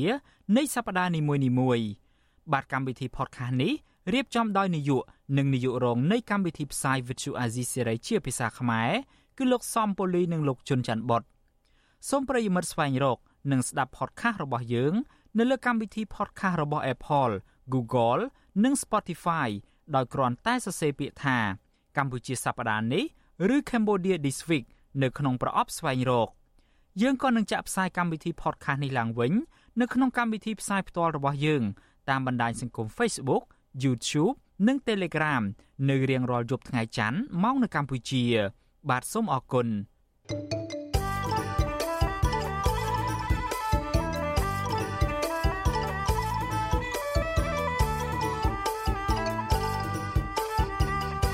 បាទលោកអ្នកនាងជាទីមេត្រីយើងងាកមកចាប់អារម្មណ៍ពាក់ព័ន្ធទៅនឹងសំណុំរឿងជួញដូរមនុស្សឯនេះវិញមន្ត្រីស្ថានទូតកម្ពុជាប្រចាំនៅប្រទេសឡាវបានបញ្ជូននារីរងគ្រោះពីការជួញដូរចំនួន6នាក់មកកាន់កម្ពុជាវិញខណៈស្ត្រីរងគ្រោះម្នាក់ទៀតសមត្ថកិច្ចឡាវនិងកម្ពុជាមិនទាន់ស្វែងរកឃើញនៅឡើយមន្ត្រីផ្នែកសិទ្ធិមនុស្សលើកឡើងថាប្រសិនបើរដ្ឋាភិបាលមានចំណាត់ការត្រឹមការជួយសង្គ្រោះជនរងគ្រោះដោយគ្មានការស៊ើបអង្កេតស្វែងរកមេខ្លោងយកមកផ្ដន់ទាទោសនោះ បញ្ហាស្ត្រីខ្មែររងគ្រោះពីការជួញដូរនឹងនៅតែបន្តកើតមានដដែល។បាទសូមលោកអ្នកនាងស្ដាប់សេចក្តីរាយការណ៍ព័ត៌មានមួយទៀតរបស់លោកថាថៃដូចតទៅស្ថានទូតកម្ពុជាប្រចាំប្រទេសឡាវប្រកាសនៅថ្ងៃទី6ខែតុលាថានារីរងគ្រោះពីការជួញដូរចំនួន6នាក់ពួកគាត់បានចាក់ចេញពីទីក្រុងវៀងច័ន្ទមកកាន់ទីក្រុងបាក់សីហើយនឹងរងចាំអគ្គកុងស៊ុលកម្ពុជាប្រចាំតំបន់នោះសម្រាប់សម្រួលឲ្យពួកគាត់បន្តធ្វើដំណើរតាមច្រកទ្វារអន្តរជាតិត្រពាំងគ្រីល ខេត្តស្ទឹងត្រែងដើម្បីត្រឡប់ទៅកម្ពុជាវិញបើទោះបីជាយ៉ាងណាស្ថានទូតកម្ពុជាប្រចាំប្រទេសឡាវនិងអាជ្ញាធរឡាវមិនទាន់ស្វែងរកឃើញនារីខ្មែរម្នាក់ទៀតដែលរងគ្រោះពីការជួញដូរនិងបង្ហាញលទ្ធផលស៊ើបអង្កេតចុងក្រោយនៅឡើយទេវិទ្យុអាស៊ីសេរីមិនទាន់អាចតាក់ទងស្ថានទូតកម្ពុជាប្រចាំប្រទេសឡាវដើម្បីសាកសួរជុំវិញរឿងនេះបានទេនៅថ្ងៃទី6ខែតុលាស្ថានទូតកម្ពុជាប្រចាំប្រទេសឡាវកាលពីថ្ងៃទី30ខែកញ្ញាប្រកាសថា សមត្ថកិច្ចឡាវនៅតំបន់ត្រីកោណមាសបានជួយសង្គ្រោះស្ត្រីខ្មែរចំនួន6នាក់បន្ទាប់ពីក្រុមនារីរងគ្រោះទាំងនោះបានផ្សព្វផ្សាយជាវីដេអូលើបណ្ដាញសង្គមដោយស្នើឲ្យអាជ្ញាធរកម្ពុជាជួយសង្គ្រោះជាបន្ទាន់ក្រោយពីពួកគាត់ដឹងថាមេខ្យល់និងថៅកែជាជនជាតិចិនបំរុងនាំពួកគាត់ទៅលក់នៅប្រទេសផ្សេងទៀតក្នុងចំណោមនារីរងគ្រោះទាំង6នាក់ក្នុងនោះមាន2នាក់អះអាងប្រាប់វិទ្យុអាស៊ីសេរីថា ពួកគាត់សុទ្ធតែចាញ់បោកការលបួងលួងលោមពីមេខ្យល់ដោយកុហកថាមានការងារទទួលបានចំណូលខ្ពស់នៅប្រទេសឡាវប៉ុន្តែពេលពួកគាត់ទៅដល់កន្លែងការងារថៅកែជនជាតិចិននិងមេខ្យល់បែរជាបង្ខំឲ្យអង្គុយចាំដេកជាមួយភ្ញៀវឬបម្រើសេវាផ្លូវភេទទៅវិញអនុប្រធានអចិន្ត្រៃយ៍នៃគណៈកម្មាធិការជាតិប្រយុទ្ធប្រឆាំងអំពើជួញដូរមនុស្សអ្នកស្រីជូប៊ុនអេងប្រាប់វិទ្យុអាស៊ីសេរីថាសមត្ថកិច្ចកម្ពុជានិងឡាវ នៅតែបន្តសហការស្វែងរកនារីខ្មែរម្នាក់ទៀតដែលរងគ្រោះពីការជួញដូរអ្នកស្រីអះអាងទៀតថាសមត្ថកិច្ចនៃប្រទេសទាំងពីរក៏កំពុងស្រាវជ្រាវស្វែងរកមេខ្យល់និងមេខ្លោងពាក់ព័ន្ធនឹងការជួញដូរមនុស្សយកមកផ្ដន់ទាទោសតាមច្បាប់ដែរអ្នកស្រីអំពីវនីវឲ្យបរដ្ឋខ្មែរបង្កើនការប្រុងប្រយ័ត្នខ្ពស់ចំពោះបុគ្គលឬប្រភពមិនច្បាស់លាស់ដែលឃោសនាក្នុងគោលបំណងឲ្យបង់ប្រាក់ដល់ពួកគេបន្តិចបន្តួចហើយទទួលបានការងារធ្វើនៅក្រៅប្រទេសទទួលបានប្រាក់ចំណូលខ្ពស់ ដូចពួកគាត់អញ្ចឹងពេលដែលទៅគេប្រាប់ថាឲ្យទៅធ្វើការនៅទីនោះមួយខែហើយក្នុងម្នាក់បានមួយខែដូចជា5000ដុល្លារគិតថាគាត់ទៅរួចទេនៅពេលដែលថារបស់ដែលវាងាយពេកដល់មិនយើងអត់មានសមត្ថភាពហើយយើងជាអ្នកដែលនៅវ័យក្មេងទៅទៀតប៉ុន្តែនេះគឺជាការអូសទាញរបស់មេខ្យល់ឬមួយក៏របស់ជនល្មើសបណ្ដាញមេខ្យល់មិនមែននៅក្នុងប្រទេសណាមួយទេគឺរេបណ្ដាញហើយរហូតទៅដល់ប្រទេសធំធំហ្នឹងក៏មានជនល្មើសនៅទីនោះដែរពីព្រោះគេបានប្រើវិធីសាស្ត្រអូសទាញទៅតាមប្រព័ន្ធអនឡាញជុំវិញរឿងនេះប្រធានផ្នែកប្រយុទ្ធប្រឆាំងការជួញដូរមនុស្សនិងទេសន្តប្រវេសនៃអង្គការសង្ត្រាល់លោកឌីថេហូយ៉ាមានប្រសាសន៍ថាបញ្ហាពលរដ្ឋខ្មែររងគ្រោះព្រោះការជួញដូរនៅក្រៅប្រទេសនៅតែជាក្តីព្រួយបារម្ភព្រោះលោកថាអាញាធរពាក់ព័ន្ធមិនទាន់ចាត់វិធានការលើក្រុមមេខ្យល់និងមេខ្លងជួញដូរមនុស្សឲ្យមានប្រសិទ្ធភាពនៅឡើយក្រៅពីនេះលោកជំរុញដល់រដ្ឋាភិបាលបង្កើនការផ្តល់កិច្ចគាំពារដល់ស្ត្រីខ្មែររងគ្រោះ និងវិតម្លៃផលប៉ះពាល់ផ្នែកស្មារតីនិងរាងកាយដើម្បីបញ្ជូនពួកគាត់ទៅប្រឹក្សាជាមួយអ្នកជំនាញបានទាន់ពេលវេលា។ ទាំងបញ្ហាផ្លូវកាយផ្លូវចិត្តធម្មតាជនរងគ្រោះគាត់រងគ្រោះទាំងពីរការជួយសង្គ្រោះជនរងគ្រោះយើងត្រូវធ្វើការវិតម្លៃតែគាត់រងគ្រោះទៅលើអ្វីខ្លះចឹងថាបាទក៏ពិចារណាទៅលើការគាំពីផ្នែកសេដ្ឋកិច្ចហើយមួយទៀតពាក់ព័ន្ធនឹងវិជ្ជាជីវៈធម្មតាមនុស្សឬប្រជាពលរដ្ឋនៅក្នុងសង្គមមួយដែលគាត់មានជីវៈដែលអាចរកកិច្ចការងារធ្វើបានថ្ងៃមុខឲ្យក្រោយគាត់គង់តែអាចនឹងផ្លត់ស្នៀតចាញ់បោកគេដែរទេអញ្ចឹងរបៀបនៃការធ្វើការបរិវត្តទៅទៅសិក្សាពិចារណាបានលម្អិតទៅលើចំណុចទាំងអស់ហ្នឹង លោកឌីថេហូយ៉ាព្រួយបារម្ភអំពីស្ថានភាពនៃមន្ត្រីអាជ្ញាធរប្រព្រឹត្តអំពើពុករលួយជាប្រព័ន្ធដែលជាហេតុនាំឲ្យក្រុមមេខ្យល់នៅតែហ៊ានប្រព្រឹត្តអំពើជួញដូរមនុស្សលោកបន្ថែមទៀតថាបើរដ្ឋាភិបាលចាត់វិធានការត្រឹមការជួយសង្គ្រោះជនរងគ្រោះហើយគ្មានវិធានការផ្សព្វផ្សាយឲ្យបានទូលំទូលាយនិងគ្មានការស្វែងរកជនល្មើសពាក់ព័ន្ធនឹងអំពើជួញដូរមនុស្សមកផ្ដន់ទាទោសទេនោះពលរដ្ឋជាពិសេសស្ត្រីខ្មែរនៅតែប្រឈមរងគ្រោះពីការជួញដូរតាមរយៈមេខ្យល់យកទៅលក់នៅក្រៅប្រទេសដដែល។ ខ្ញុំថាថៃពីទីក្រុងមែលប៊នបាទលោកអ្នកនាងជាទីមេត្រីពាក់ព័ន្ធទៅនឹងបញ្ហាជួញដូរមនុស្សនេះដែរអាញាធរកម្ពុជាក្រុងបណ្ដេញជនជាតិជប៉ុនចំនួន25នាក់ចេញពីកម្ពុជានិងដាក់ចូលក្នុងបញ្ជីខ្មៅមិនឲ្យពួកគេជន់ទឹកដីកម្ពុជាឡើយដោយសារតែពួកគេជាប់ពាក់ព័ន្ធនឹងបញ្ហាជួញដូរមនុស្សអ្នកនាំពាក្យអគ្គនាយកដ្ឋានអន្តរប្រវេសន៍លោកកែវវ៉ាន់ថនប្រាប់វិទ្យុអាស៊ីសេរីកាលពីថ្ងៃទី6តុលាថា សមត្ថកិច្ចបានបញ្ជូនជនជាតិជប៉ុនទាំងនោះមកដល់អគ្គនាយកដ្ឋានអន្តោប្រវេសន៍ហើយហើយលោកក៏បានរៀបចំឯកសារដើម្បីត្រៀមបញ្ជូនពួកគេចេញពីកម្ពុជាដែរអ្នកនាំពាក្យរងនៃក្រសួងមហាផ្ទៃលោកទូចសុខៈប្រាប់កាសែតក្នុងស្រុកថាសមត្ថកិច្ចបានចុះបង្ក្រាបជនជាតិជប៉ុនមួយក្រុមនៅចំណុចអគារ Skyline ក្នុងរាជធានីភ្នំពេញកាលពីខែកញ្ញាក្រោយពីស្ថានទូតជប៉ុនស្នើឲ្យសមត្ថកិច្ចអន្តរាគមន៍ជួយជនរងគ្រោះម្នាក់ដែលរងការបង្ខាំងនឹងអំពើហិង្សា ក្រៅពីការឃាត់ខ្លួនជនសង្ស័យជនជាតិជប៉ុនចំនួន25នាក់ហើយក្រសួងមហាផ្ទៃកាលពីដើមខែកញ្ញាបានប្រកាសតាមចាប់ខ្លួនជនបរទេស3នាក់ទៀតដែលពាក់ព័ន្ធទៅនឹងការបង្ខាំងមនុស្សនេះក៏ប៉ុន្តែមកដល់ពេលនេះសមត្ថកិច្ចមិនទាន់ចាប់ខ្លួនពួកគេបាននៅឡើយកាលពីឆ្នាំ2022សមត្ថកិច្ចបានបណ្ដេញជនបរទេសជាង3000នាក់នៅក្នុងនោះជនជាតិចិនចំនួន1300នាក់ ឲ្យត្រឡប់ទៅប្រទេសរបស់ពួកគេវិញដោយសារតែពួកគេភ័យច្រើនជាប់ពាក់ព័ន្ធនឹងឧក្រិដ្ឋកម្មឆ្លងដែនកាន់កាប់អាវុធខុសច្បាប់ជួញដូរគ្រឿងញៀននិងជួញដូរមនុស្សជាដើមអង្គការសហប្រជាជាតិទទួលបន្ទុកផ្នែកសិទ្ធិមនុស្សថ្មីថ្មីនេះបានរកឃើញថាមានមនុស្សប្រមាណ100,000នាក់ត្រូវបានគេបង្ខំឲ្យធ្វើការបោកប្រាស់តាមប្រព័ន្ធអនឡាញនៅកម្ពុជាហើយជនរងគ្រោះប្រឈមទៅនឹងការរំលោភបំពានការគំរាមកំហែងដល់សវត្ថិភាពនិងសន្តិសុខក្រៅពីនេះពួកគេជាច្រើនអ្នក បានទទួលរងការធ្វើទារុណកម្មនិងអំពើឃោរឃៅអមនុស្សធម៌ការឃុំខ្លួនដោយបំពាន និងអំពើហិង្សាផ្លូវភេទជាដើម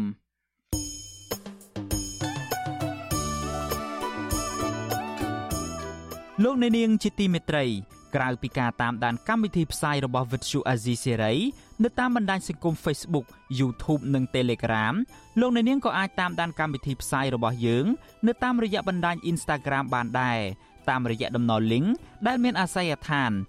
www.instagram.com/rfa ខ្មែរ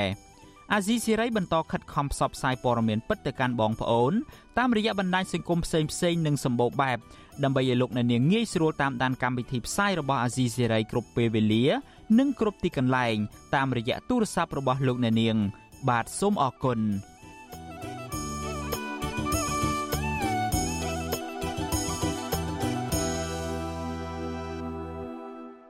បាទលោកអ្នកនាងជាទីមេត្រីយើងងាកមកចាប់អារម្មណ៍ពាក់ព័ន្ធទៅនឹងបញ្ហាលបែងស៊ីសងឯនេះវិញប្រជាពលរដ្ឋនិងមន្ត្រីអង្គការសង្គមស៊ីវិលលើកឡើងថាវិធានការរឹតបន្តឹងចំពោះអ្នកលេងល្បែងក្នុងកាស៊ីណូដើម្បីពង្រឹងការអនុវត្តច្បាប់គ្រប់គ្រងល្បែងពាណិជ្ជកម្មនឹងមិនមានប្រសិទ្ធភាពនោះទេប្រសិនបើល្បែងស៊ីសងគ្រប់ប្រភេទនៅតាមមូលដ្ឋាននៅតែបន្តកើតមានក៏ប៉ុន្តែអាជ្ញាធរបញ្ជាក់ថាការចេញសេចក្តីណែនាំនេះគឺក្នុងគោលបំណងដើម្បីពង្រឹងការអនុវត្តច្បាប់ និងអប់រំដល់ប្រតិបត្តិការនិងអ្នកលេងល្បែងឲ្យយល់ពីកាតព្វកិច្ចនិងការអនុវត្តច្បាប់បាទលោកលេងម៉ាលីរាយការណ៍ព័ត៌មាននេះក្រុមហ៊ុនផ្សាយពាណិជ្ជកម្មលើផ្ទាំងប៉ាណូនៅតំបន់ Times Square ក្នុងទីក្រុង New York លើកឡើងស្រដៀងគ្នាថារូបភាពស្វាគមន៍លោកហ៊ុនម៉ាណែតនៅលើផ្ទាំងផ្សព្វផ្សាយពាណិជ្ជកម្មរបស់ពួកគេគឺជារូបភាពคล้ายៗ អនុប្រធានក្រុមហ៊ុន Alfron Media ដែលជាម្ចាស់ផ្ទាំងប៉ាណូដ៏មានប្រជាប្រិយភាពស្ថិតនៅលើផ្លូវ1530ក្នុងតំបន់ Times Square លោក Douglas Cordova ប្រាប់វិទ្យុអស៊ីសេរីថាផ្ទាំងប៉ាណូរបស់ក្រុមហ៊ុនលោកមិនបានផ្សព្វផ្សាយរូបភាពលោកហ៊ុនម៉ាណែត និងស្លាកសញ្ញាគណៈបកប្រជាជនកម្ពុជានោះទេដូចគ្នានេះដែរសហស្ថាបនិកក្រុមហ៊ុន Heritage Outdoor Media ដែលជាម្ចាស់កម្មសិទ្ធិប៉ាណូនៅខាងក្រោមប៉ាណូរបស់ក្រុមហ៊ុន Afron Media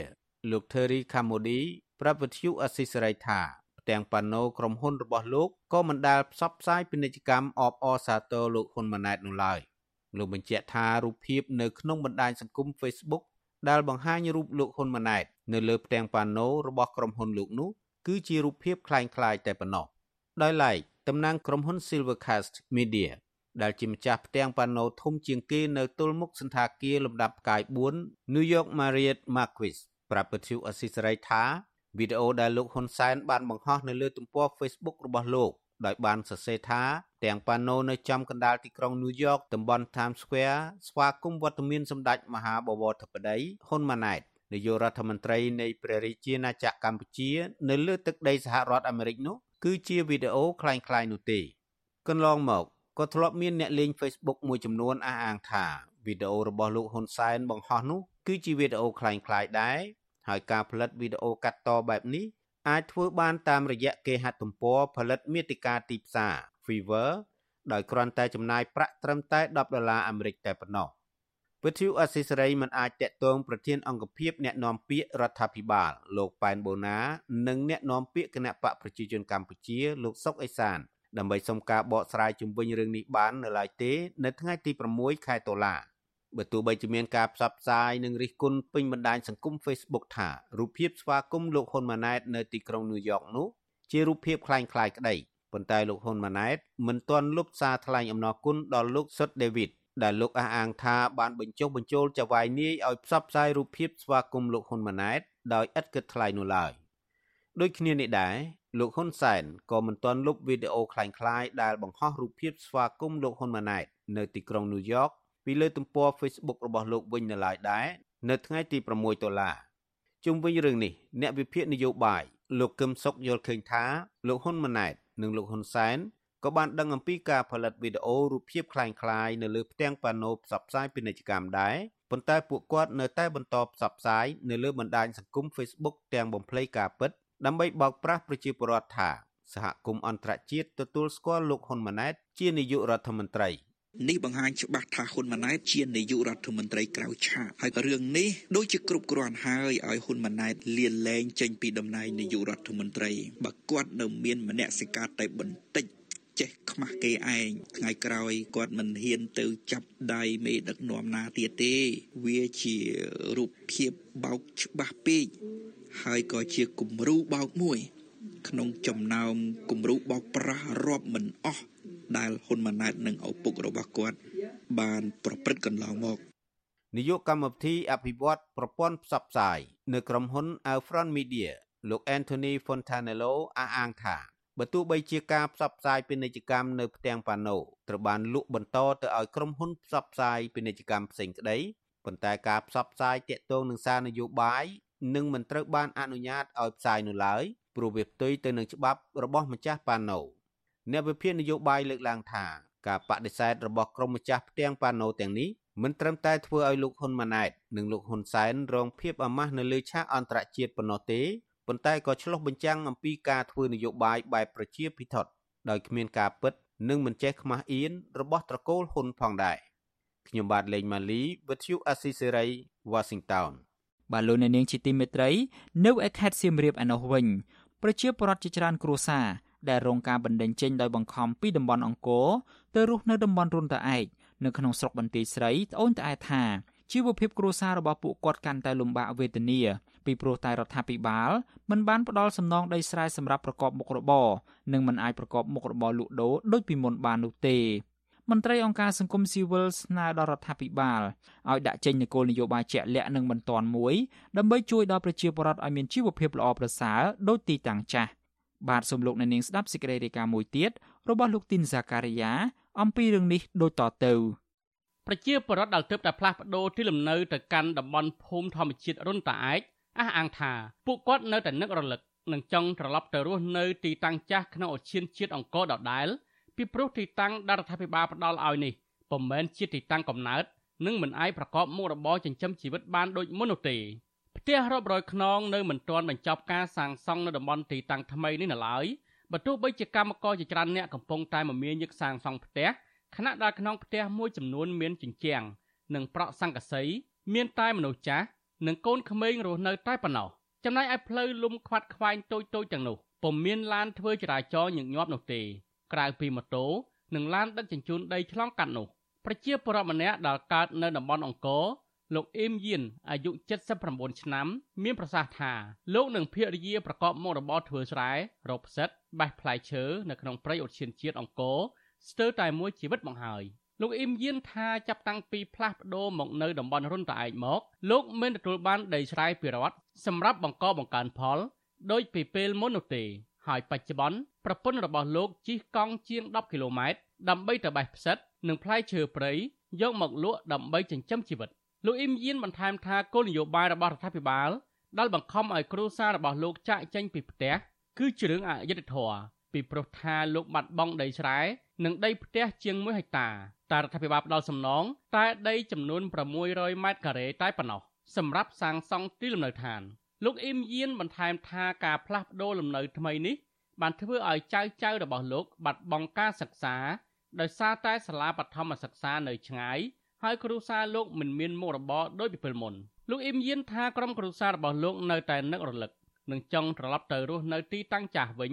ហើយលោករំពឹងថារដ្ឋាភិបាលនឹងយល់ពីទុកលំបាករបស់លោកបលបងព្រៃយើងកាប់បន្លែយើងបេះបន្លែយើងដកផ្សិតដកអុយទៅបើគេអុយដែលនិយាយពីលើកនោះខ្ញុំដឹងទៅមិនចិត្តចង់តែបើគេអុយទៅនៅបានទៅវិញមែន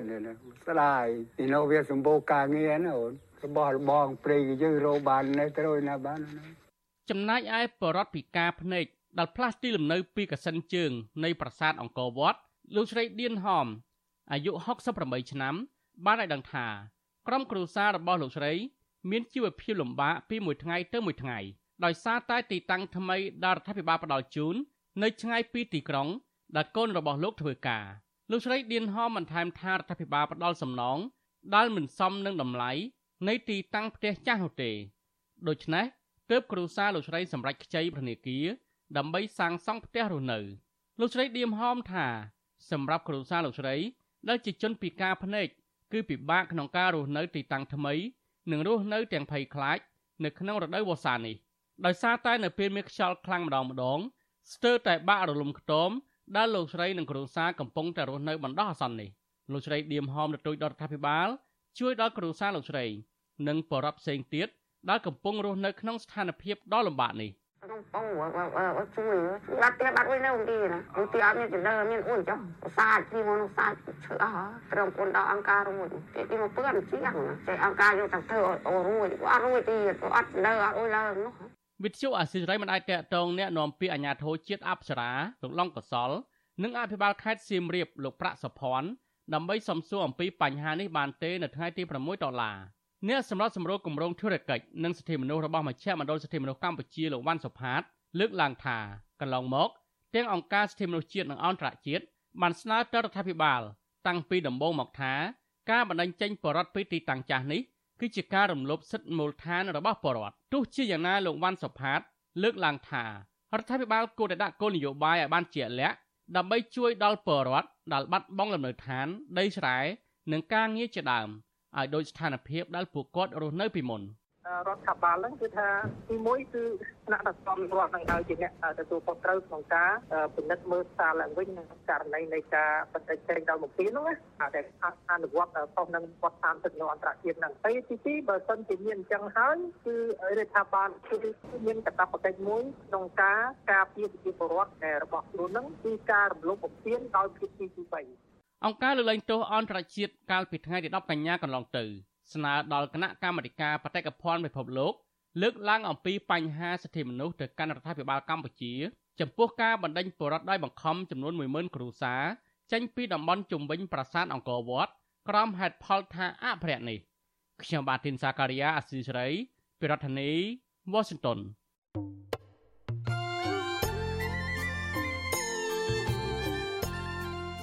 លោកអ្នកនាងជាទីមេត្រី នៅក្នុងឱកាសនេះដែរខ្ញុំបាទសូមថ្លែងអំណរគុណដល់លោកអ្នកនាងកញ្ញាទាំងអស់ដែលតែងតែមានភក្ដីភាពចំពោះការផ្សាយរបស់យើងហើយចាត់ទុកការស្ដាប់វិទ្យុអាស៊ីសេរីគឺជាផ្នែកមួយនៃសកម្មភាពប្រចាំថ្ងៃរបស់លោកអ្នកនាងគឺការគ្រប់គ្រងរបស់លោកអ្នកនាងនេះហើយដែលធ្វើឲ្យយើងខ្ញុំមានទឹកចិត្តកាន់តែខ្លាំងក្លាថែមទៀតនៅក្នុងការស្វែងរកនិងផ្តល់ព័ត៌មានជូនលោកអ្នកនាងមានអ្នកស្ដាប់អ្នកទស្សនាកាន់តែច្រើនកាន់តែធ្វើឲ្យយើងខ្ញុំមានភាពស្វាហាប់ មោះមុតជាបន្តទៅទៀតយើងខ្ញុំសូមអរគុណទុកជាមុនហើយសូមអញ្ជើញលោកអ្នកនាងកញ្ញាទាំងអស់ចូលរួមជំរុញឲ្យសកម្មភាពផ្តល់ព័ត៌មានយើងនេះកាន់តែជោគជ័យបន្ថែមទៀតលោកអ្នកនាងអាចជួយយើងខ្ញុំបានដោយគ្រាន់តែចុចចែករំលែកឬមួយក៏ Share ការផ្សាយរបស់យើងនៅលើបណ្ដាញសង្គម Facebook និង YouTube ទៅកាន់មិត្តភ័ក្តិដើម្បីឲ្យការផ្សាយរបស់យើងបានទៅដល់មនុស្សកាន់តែច្រើន បាទសូមអរគុណ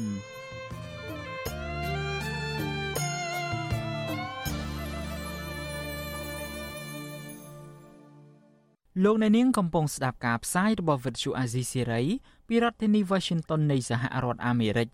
សកម្មជននយោបាយដែលរត់ភៀសខ្លួនទៅក្រៅប្រទេសនិងគ្រួសាររបស់សកម្មជននយោបាយដែលកំពុងជាប់ឃុំបង្ហាញអារម្មណ៍នឹកដល់ក្រុមគ្រួសារនិងមាតុប្រទេសនៅក្នុងឱកាសពិធីបុណ្យកាន់បិណ្ឌនិងភ្ជុំបិណ្ឌពួកគាត់នៅតែទទូចស្នើសុំដល់រដ្ឋាភិបាលថ្មីដោះស្រាយចំនួននយោបាយនិងផ្សះផ្សាជាតិដើម្បីផ្ដល់សេរីភាពឲ្យពួកគាត់បានរស់នៅជួបជុំក្រុមគ្រួសារឡើងវិញ បាទសូមលោកអ្នកនាងស្ដាប់សេចក្តីរាយការណ៍នេះពឹស្ដារបស់លោកថាថៃដូចតទៅមន្ត្រីនិងសកម្មជនគណៈបកជំទាស់រាប់សិបនាក់ដែលបានរងគ្រោះរស់នៅប្រត់ប្រាស់នៃរាជក្រុមគ្រូសានិងមានទុកប្រទេសដោយសាររដ្ឋាភិបាលចំនួនមុនដឹកនាំដោយលោកហ៊ុនសែនចាប់ដាក់ពន្ធនាគារនិងនិរទេសក្រុមហេតុផលនយោបាយនោះស្នើសុំឲ្យរដ្ឋាភិបាលថ្មីរបស់លោកហ៊ុនម៉ាណែតដោះលែងអ្នកទោសនយោបាយនិងបើកឱកាសឲ្យអ្នកភៀសខ្លួនវិលទៅជួបជុំក្រុមគ្រួសារឡើងវិញ ដើម្បីឈានទៅរកការផ្សះផ្សាជាតិនិងបង្រួបបង្រួមជាតិក្នុងឱកាសបុណ្យកាន់បិណ្ឌនិងភ្ជុំបិណ្ឌសកម្មជនគណៈបកភ្លើងទៀនដែលកំពុងភៀសខ្លួននៅប្រទេសថៃលោកផនផាណាថ្លែងថាក្នុងរដូវបុណ្យភ្ជុំបិណ្ឌនេះលោកមានអារម្មណ៍ស្រងេះស្រងោចខ្លោចផ្សាដែលមិនអាចវិលចូលប្រទេសកម្ពុជាដើម្បីជួបជុំញាតិមិត្តបងប្អូនបានដោយសារតែរដ្ឋាភិបាលតាមធ្វើទុកបុកម្នេញលោកដោយគ្រាន់តែលោកចង់ឲ្យកម្ពុជាមានលទ្ធិប្រជាធិបតេយ្យនិងធ្វើសកម្មភាពនយោបាយស្របតាមរដ្ឋធម្មនុញ្ញ លោកហ៊ុនម៉ាណែតគួរតែមានភាពក្លាហានដើម្បីបង្រួបបង្រួមជាតិដើម្បីឲ្យខ្មែរគ្រប់និន្នាការហ្នឹងអាចរស់នៅក្នុងស្រុកបានហើយបើកទំព័រថ្មីធ្វើនយោបាយបង្រួបបង្រួមជាតិដើម្បីដោះស្រាយបញ្ហាជាតិជាពិសេសយើងឃើញហើយបច្ចុប្បន្ននេះសេដ្ឋកិច្ចនៅស្រុកខ្មែរគឺធ្លាក់ចុះមែនទែនស្រដៀងគ្នានេះប្រធានប្រតិបត្តិគណៈបកសង្គ្រោះជាតិរាជធានីភ្នំពេញលោកម៉នផល្លាដែលបានរស់នៅភៀសខ្លួនក្នុងប្រទេសម៉ាឡេស៊ីរយៈពេល77ឆ្នាំហើយនោះ រៀបរាប់ថាដោយសារតែរដ្ឋាភិបាលតាមធ្វើទុកបុកម្នេញផ្នែកនយោបាយនេះលោកមិនបានរីករាយជួបជុំធ្វើបន់ទានជាមួយឪពុកម្ដាយនិងញាតិមិត្តដោយពលរដ្ឋខ្មែរផ្សេងទៀតនោះទេបើសិនជាការដឹកនាំដែលមានឆន្ទៈដោះស្រាយបញ្ហាជាតិប្រកបដើម្បីឲ្យមានការឯកភាពជាតិ អ្នកនយោបាយជាពិសេសរដ្ឋាភិបាលដែលកើតថ្មីគួរតែពិចារណាដើម្បីឲ្យជាតិយើងរីកចម្រើនពិតប្រាកដដើម្បីឲ្យខ្មែរយើងមានការឯកភាពគ្នាឈានទៅរកការអភិវឌ្ឍជាតិហើយធានាបាននៅការជឿនលឿននៃសេដ្ឋកិច្ចជាតិពេញលេញដូចប្រទេសជិតខាងក្រៅពីសកម្មជនដែលរត់ភៀសខ្លួននេះក្រុមគ្រួសារសកម្មជនជាច្រើនអ្នកទៀតដែលកំពុងជាប់ពន្ធនាគារក្នុងប្រទេសកម្ពុជា ពួកគាត់ក៏គ្មានវាសនាបានជួបជុំគ្នាក្នុងឱកាសបុណ្យកាន់បិណ្ឌនិងភ្ជុំបិណ្ឌនេះដែរប្រពន្ធសកម្មជនគណៈបកសង្គ្រោះជាតិដែលកំពុងជាប់ឃុំលោកកកុម្ភាគឺលោកស្រីព្រំចន្ទថាថ្លែងថារយៈពេលជិត4ឆ្នាំហើយដែលប្តីរបស់លោកស្រីជាប់ឃុំទាំងគ្មានកំហុសនិងមិនបានជួបជុំគ្នាក្នុងរដូវបុណ្យទានលោកស្រីសោកស្ដាយដែលរដ្ឋាភិបាលដឹកនាំដោយគណៈបកប្រជាជនកម្ពុជារើសអើងនឹងគុំគួននយោបាយ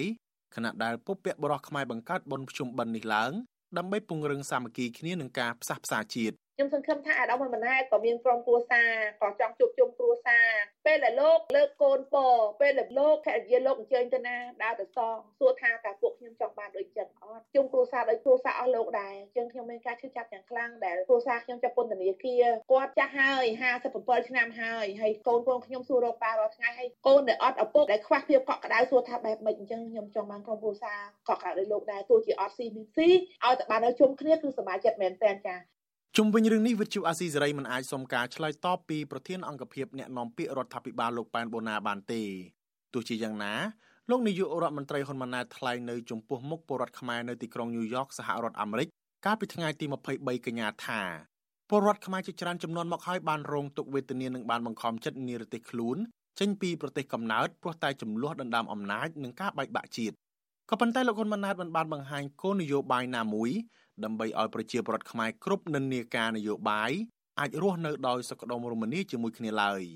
ឲ្យអនពូមីងបងប្អូនដឹងឲ្យខ្ញុំចាំកាលពី8ជាងទៅស្រុកយើងអត់បានទេព្រោះប្រទេសយើងបែកយើងនៅកាលនោះសង្គ្រាមត្រជាក់ទៅអ្នកខ្លះបានទៅត្រឹមតែថៃទៅតែឲ្យមើលពូចូលអត់ចុះអត់មានកប៉ាល់ហោះរត់ត្រង់ដោយរកឯទីទីពិបាកណាស់យើងយើងកុំឲ្យប្រទេសយើងថយក្រោយកែសម្រួលប្រកួតប្រជែងគ្នាដើម្បីបម្រើប្រជាជន5ឆ្នាំម្ដងប្រជាជនវាយតម្លៃថាតើពីណាគួរតែផ្ដល់ពងឲ្យដឹកនាំតទៅទៀតផ្ទុយពីការលើកឡើងរបស់លោកហ៊ុនម៉ាណែតនេះ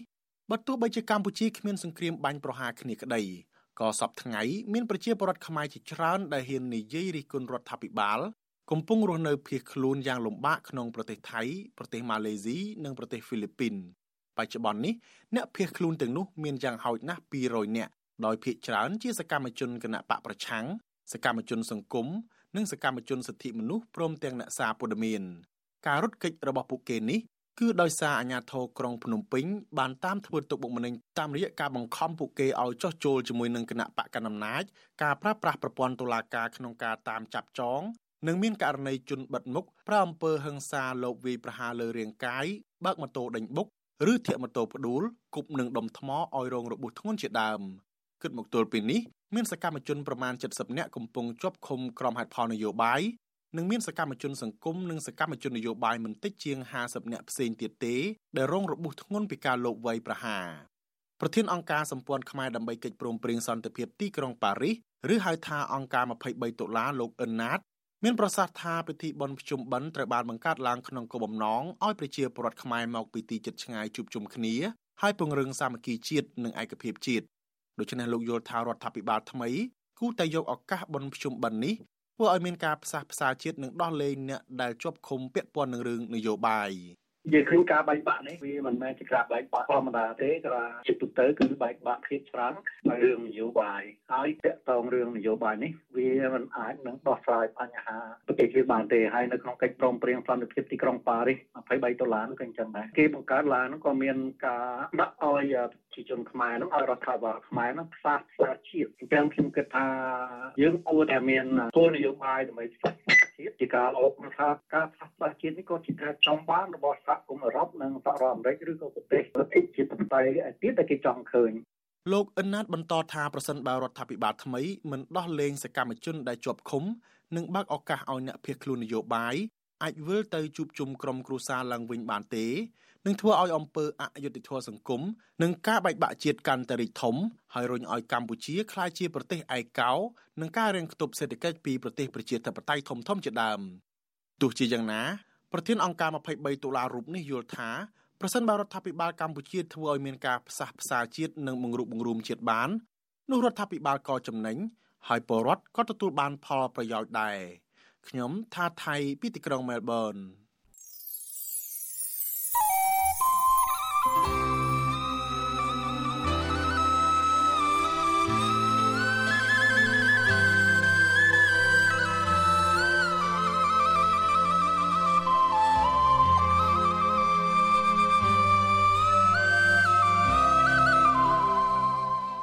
លោកអ្នកនាងជាទីមេត្រីការផ្សាយរយៈពេល1ម៉ោងរបស់វិទ្យុអាស៊ីសេរីនៅព្រឹកនេះចប់ត្រឹមតែប៉ុណ្ណេះ